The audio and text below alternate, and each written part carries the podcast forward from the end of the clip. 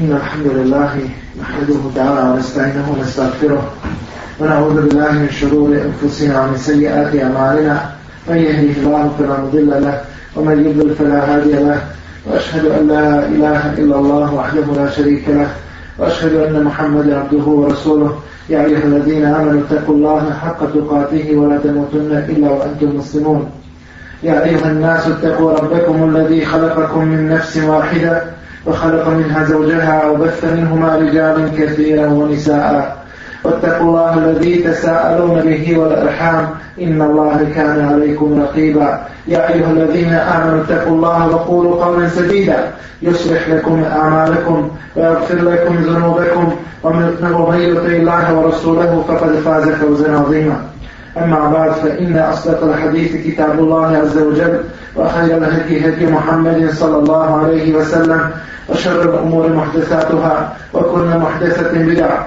وكل بدعة ضلالة وكل ضلالة في النار لا لا يقشلنا برشا وإسلام لا ما يواجهنا إما تي إسلام ستار فرما أجهناتنا يوجهن يودنا وإسلام Zato Allah subhanahu wa ta'ala naglašava tu uzvišenu poziciju pa kaže jerfe ilahu ladina amanu minkum on ladina utul ilma da Allah subhanahu wa ta'ala će one koji imaju znanje i one koji vjeruju podignuti na visoke stepene i kaže Allah subhanahu wa ta'ala had jesaru ladina ja'lamuna on ladina la ja'lamun innama je te zekeru ulul albar jesu li isti oni koji znaju i oni koji ne znaju uistinu povuku samo uzimaju oni koji imaju pameti. Zato se vjerodosljeno od poslanika sallallahu alaihi wa sallam u kontekstu ovoga navode riječi u kojima poslanik sallallahu alaihi wa sallam kaže kako prenosi imam Ebu Dawud i Tirmizi kaže poslanik sallallahu alaihi wa sallam men sebeke tarikan ili tenisu fihi ilmen sehra Allahu lehu tarikan ila džennah Ona bi krene putem traženja znanja. Allah će njemu olakšati put do ženeta. Allah će njemu olakšati put do ženeta. Wa inna al-alima la yastaghfiru lahu man fi samawati wa man fil ardi hatta al-hitar fil ma. U istinu da učenjaka traži oprosta sve ono što je na nebesima i na zemlji, pa čak i ribe u vodi. وإن الملائكة لتضع أجنحتها لطالب العلم رضا بما يصنع به إكاجة uistinu veliki postavljaju svoja kriva onome ko traga za znanje i zadovoljstva prema onome što on čini. Također, poslanik sallallahu alaihi wa sallam kaže imjel ulemaka vodatatul enbija uistinu su učenjaci نعسد في ربيس نكا الأنبياء لم يورثوا دينارا ولا درهما ولكن ورثوا العلم ويسنوا يربيس نتنيش إذا سبع السبب ندينارا بدرهما ونعسد نغسل إذا سبع ونعسد وصل على زعنية فمن أخذه أخذ بحظ وافر أرنا يقول أزمته زعنية zadobio je veliki udio i zadobio je veliku sreću i veliko blagostanje. Zato mi moramo znati u istinu ko su pravi učenjaci. Ko se može nazvati Alimom? Alim, učenjak je onaj koji poznaje Allahu subhanahu wa ta'ala knjigu, koji poznaje sunnet poslanika sallallahu alaihi wa sallam, koji podrobno poznaje većinu lanaca prenosilaca i koji podrobno poznaje sve manjkavosti i sve prednosti koje se nalaze u predajama to je onaj koji može tumačiti šarijatske tekstove. Stoga, ne može se danas nazvati svako učenjako, ne može se svaki filozof nazvati učenjakom, ne može se svaki bogoslov nazvati učenjakom, nego se učenjakom naziva samo onaj koji poznaje Kur'an, koji poznaje sunnet i to nije dovoljno, nego to mora sprovesti u praksu. Zato je navedeno za učenjake da su oni ulogi emr, to jeste oni koji su predpostavljeni i nadređeni. To su navisnici i oni koji sa sobom nose šerijetsko znanje. Zato Allah subhanahu wa ta'ala kaže wa ti u Allahu, wa ti u Rasule, wa ulel emre minkum. I vi se pokoravajte Allahu i poslaniku se pokoravajte i onima koji su vam nadređeni. Pa je Mujahid radijallahu anhu rekao to su oni koji sa sobom nosi šarijatsko znanje i koji poznaju šarijatska pravila ili šarijatske propise. Također, to su oni kako Ibn Abbas kaže, koji imaju znanje ehlul ilm. To su ehlul halli vol akud, oni koji su šarijatskoj državi postavljeni da postavljaju i da razrešavaju ljude sa uglednih funkcija. To su ehlul šuva, pripadnici savjetodavnog vječa, šure i tako dalje, koji se pitaju za mnoga pitanja i od njih se uzmaju savjeti u pogledu ovoga ummeta. Zato Allah subhanahu wa ta'ala kaže وَجَعَلْنَا مِنْهُمْ a imete li je dune bi evrina lemma sadaru i mi smo od njih načinili imame predvodnike koji su upućivali našom odredbom lemma sadaru nakon što su bili strpljivi Kaže Allah subhanahu wa ta'ala Innama jahša Allah min ibadih ulama U istinu se Allah od njegovih robova pribojavaju samo oni koji su učeni. Da ga vraću, mi moramo poznavati svoje učenjake, moramo cijeniti svoje učenjake, moramo ih respektovati.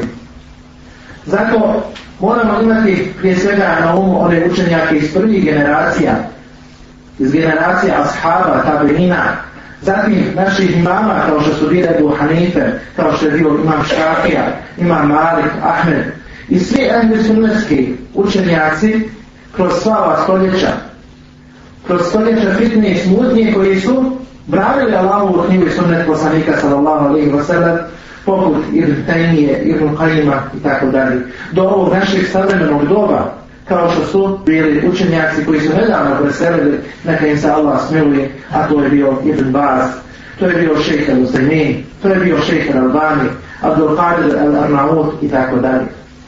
Draga dakle, braću, također mi u savremenom dobu imamo učenjaka, oni koji nose sa svojom šerijetsko znanje, ali ne izlasimo onima toliko pohvalu sve dok ne vidimo kako će oni završiti jer niko ne zna kako će završiti na ovom svijetu, a makar sa sobom nosi najbolje znanje. Zato su naši ispravni prethodnici govorili, vi se povodite, uzmajte za uzor one koji su umrli, jer su oni završili sa ovim svijetom i ni za koga se ne zna ovom svijetu, kako će on završiti. Kada završi sa ovim svijetom, onda ga uzmite za uzor i onda iznosite njegove pohvalne osobine. Naime, prenosi se za mama Ahmeda da je bio upitan često od strane svoga sina Abdullaha, kaže, ej, u razumim kaže šafiji, kakav je to bio imam šafija? Wa ante, tu kakciru lemu mine dua, ja sam čuo da ti mnogo donosiš dobu kod Allaha subhanahu wa ta'ala za njega. Pa je imam Ahmed odgovorio, kane, ja bolege kane ke šrce le dunja. O moj sinko, on je bio za ovaj umet kao što je sunce za ovaj dunjavok. Pa se mi poslije ovoga pitamo, da li se takvi mogu nadokraditi? Da li takvi imaju one koji će ih zamijeniti do sudnjega dana? Veoma teško, oni su za nas najbolji uzor. Jedan od preznaka sudnjega dana jeste da će nestati učenjaka i da će se među ljudima pojaviti neznanje, da će se suditi i donositi propisi po neznanju. Zato Allah subhanahu wa ta'ala osuđuje to neznanje i kaže Efe hukme al džahirijeti jer gum, o men ahsenu min Allah i hukme le kovni juqinun. I kaže, zar oni žele kadenski sud? A ima li boljega suda od Allahovog za one ljude koji su duboko ubijeđeni, misli se ubijeđeni u principe Islama? Allah subhanahu wa ta'ala nam zabranjuje da polemišemo da diskutiramo sa nezalicama jer imamo ono malo znanja što posjedujemo na takav način će od nas otići wa idha khatada humo džahi lune kalu se nama a kada se obrate džahi neznalice oni kažu neka je selam na nas zato poslanik sallallahu alaihi wa sallam kaže tako prenosi imam al-Bukhari إن الله لا يخرج العلم انتزاعا يتزعه من العباد الله سبحانه وتعالى نيشة ودوزيتي لا يدعك الزعاني وصولي ربوبا ولكن يخرج العلم بقبض العلماء لا يقولش oduzimate znanje tako što će usmrćivati učenjake. Hata ila lem yuduhi alimen, pa kada ne ostavi ni jednog učenjaka i tehada nasu usen džuhala ljudi će za sve prijednotnike po glavare uzmati neznalice fa et tu bi bajre ilm i onda će oni davati fetve šarijaska rješenja bez znanja fa vallu va vallu i onda će oni otići u zabudu i druge ljude u zabudu odvoditi zato, dragi brate ako hoćeš da budeš od onih koji nisu zalutali i od onih koji druge u zavodu odvode, onda moraš tražiti znanje. Allah subhanahu wa ta'ala hvali one koji posjeduju znanje. Pa kaže, innama jahša Allah min ibadih il ulema. U istinu, Allah se pribojavaju samo oni koji su učeni.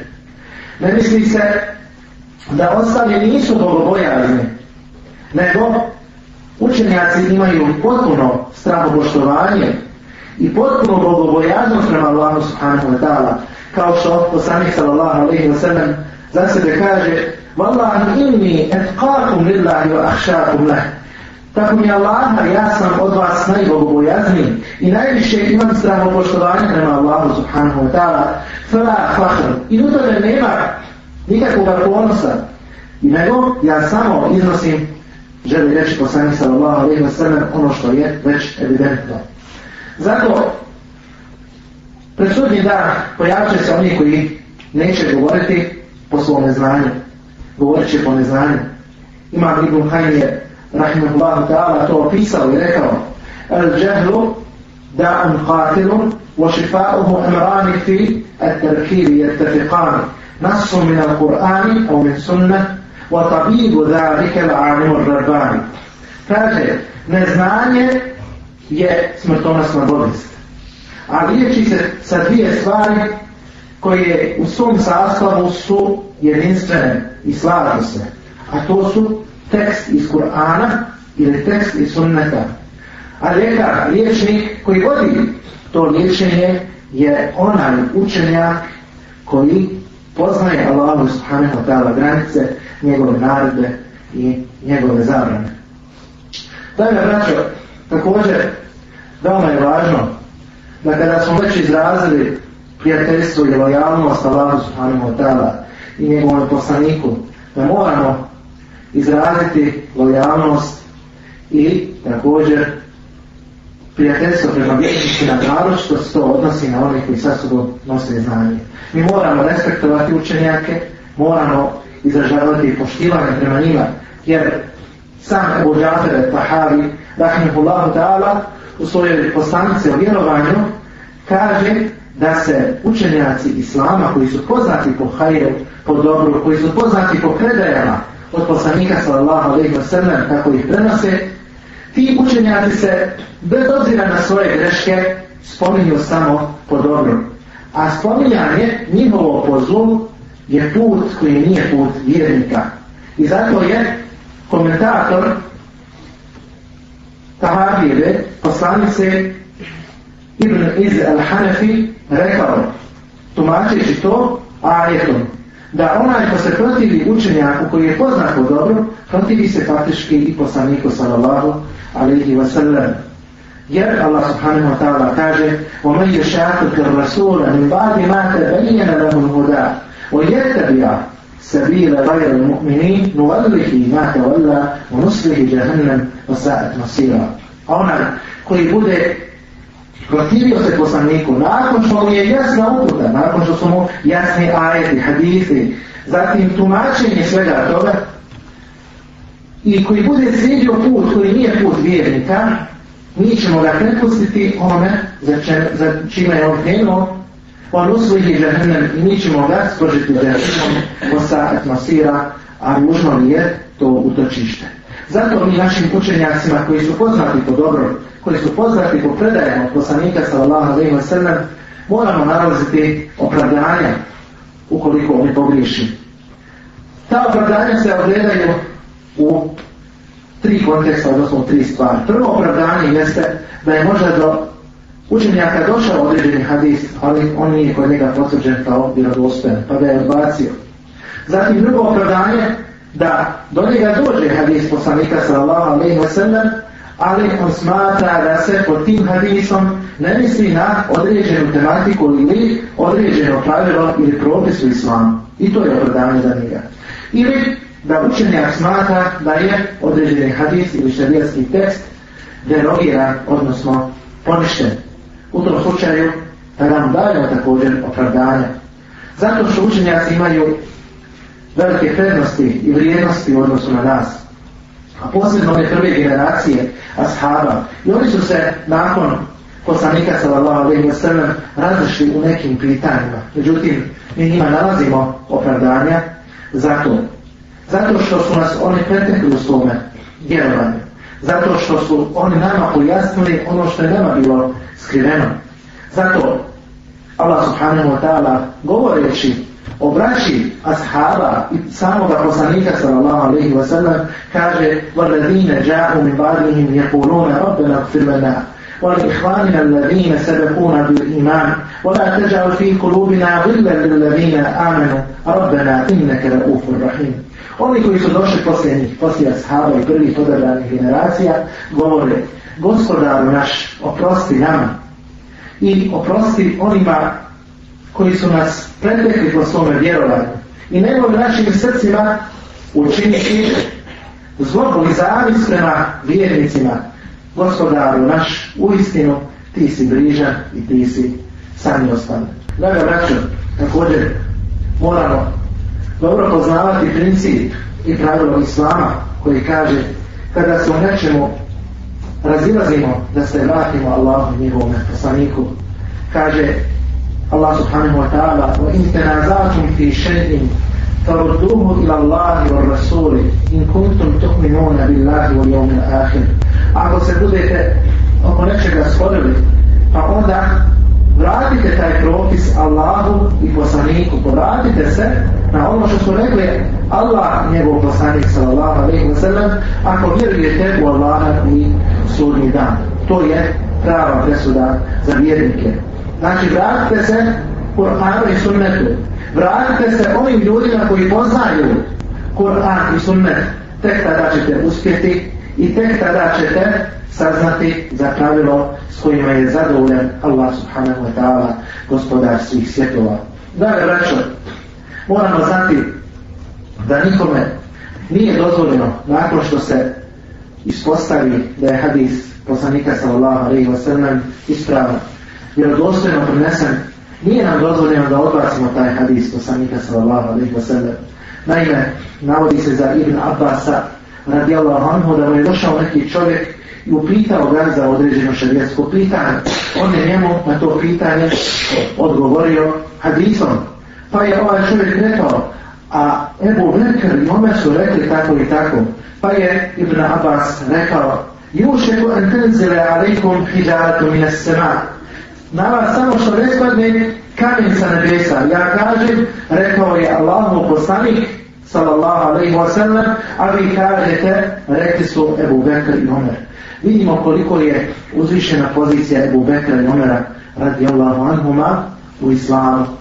Najbolji čovjek ovoga umeta poslije poslanika sallallahu alaihi wa sallam je Ebu Bekr, ali se on ne preferira i njemu se ne daje prednost u odnosu na poslanika sallallahu alaihi wa sallam.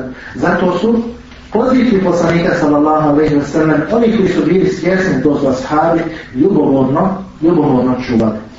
Zatim, draga braćo, kada učenjak pogriješi i to su ispostavi, nama nije dozvoljeno da osuđujemo učenjak i da kažemo da će oni biti kaženi kod Allaha subhanahu wa ta'ala. Nije nam to dozvoljeno. Nije nam dozvoljeno da kažemo da će ih sustići kazna, da će biti prokleti, da će biti kažnjeni, da će se Allah na njih rasrditi samo zato što se u hadisu koji su oni odbacili navodi Allahu srđima prokristo i tako dalje. Zato što je jedan od uslova da bi kazna nego, nekoga sustigla uslov jeste da čovjek ima znanje o tome i da je to znanje kod njega potvrđeno. Ona kuna na adbirina hata ne bahte Rasula. Mi nećemo nikoga kazniti sve dok ne pošaljemo poslanike, to jeste dok ne pošaljemo argumente protiv njih. Znači, pošto određeni hadis, određeni propis nije potvrđen to ili dostojan kod određenog učenjaka, onda on zato neće ne odgovarati, nego će čak imati i nagradu. A oni kod koji se taj dokaz ispostavio kao ispravan, on će ga prihvatiti i po njemu prosto uprati. Zato Allah poslanik sallallahu alaihi wa sallam kaže i da hakem el hakim feštehede feasabe felehu ežran. Kada čovjek sudi i uloži maksimalan trud da dođe do propisa koji ne postoji u Allahove knjizi sunetu poslanika sallallahu alaihi wa sallam i onda pogodi mazije navrede. Wa ida hakeme feštehede thumma ahtaa felehu ežran. A kada znači ponovno sudi, pa uloži svoj trud, ali ne pogriješi, onda ima samo jednu nagradu. To je bilo sa Allahom Subhanahu wa ta'ala ovome umetu. Allahu poslanik sallallahu alejhi ve sellem također nije grubo postupao niti se rasrdio na one koji su čak pogriješili u svome istihadu. Najbolji primjer za to je Bilal radijallahu anhu koji je jednog dana došao poslaniku sallallahu alaihi wa sallam sa izuzetno kvalitetnim hurmama. Pa je poslanik sallallahu alaihi wa sallam rekao min ejne hada, odakle ti to? Pa on kaže, ja sam imao malo loših hurmi, uzeo sam dva predešta tih loših hurmi i zamijenio za predešt ovih kvalitetnijih hurmi. Pa je poslanik sallallahu alaihi wa sallam rekao, o, to je čista, to je prava kamata.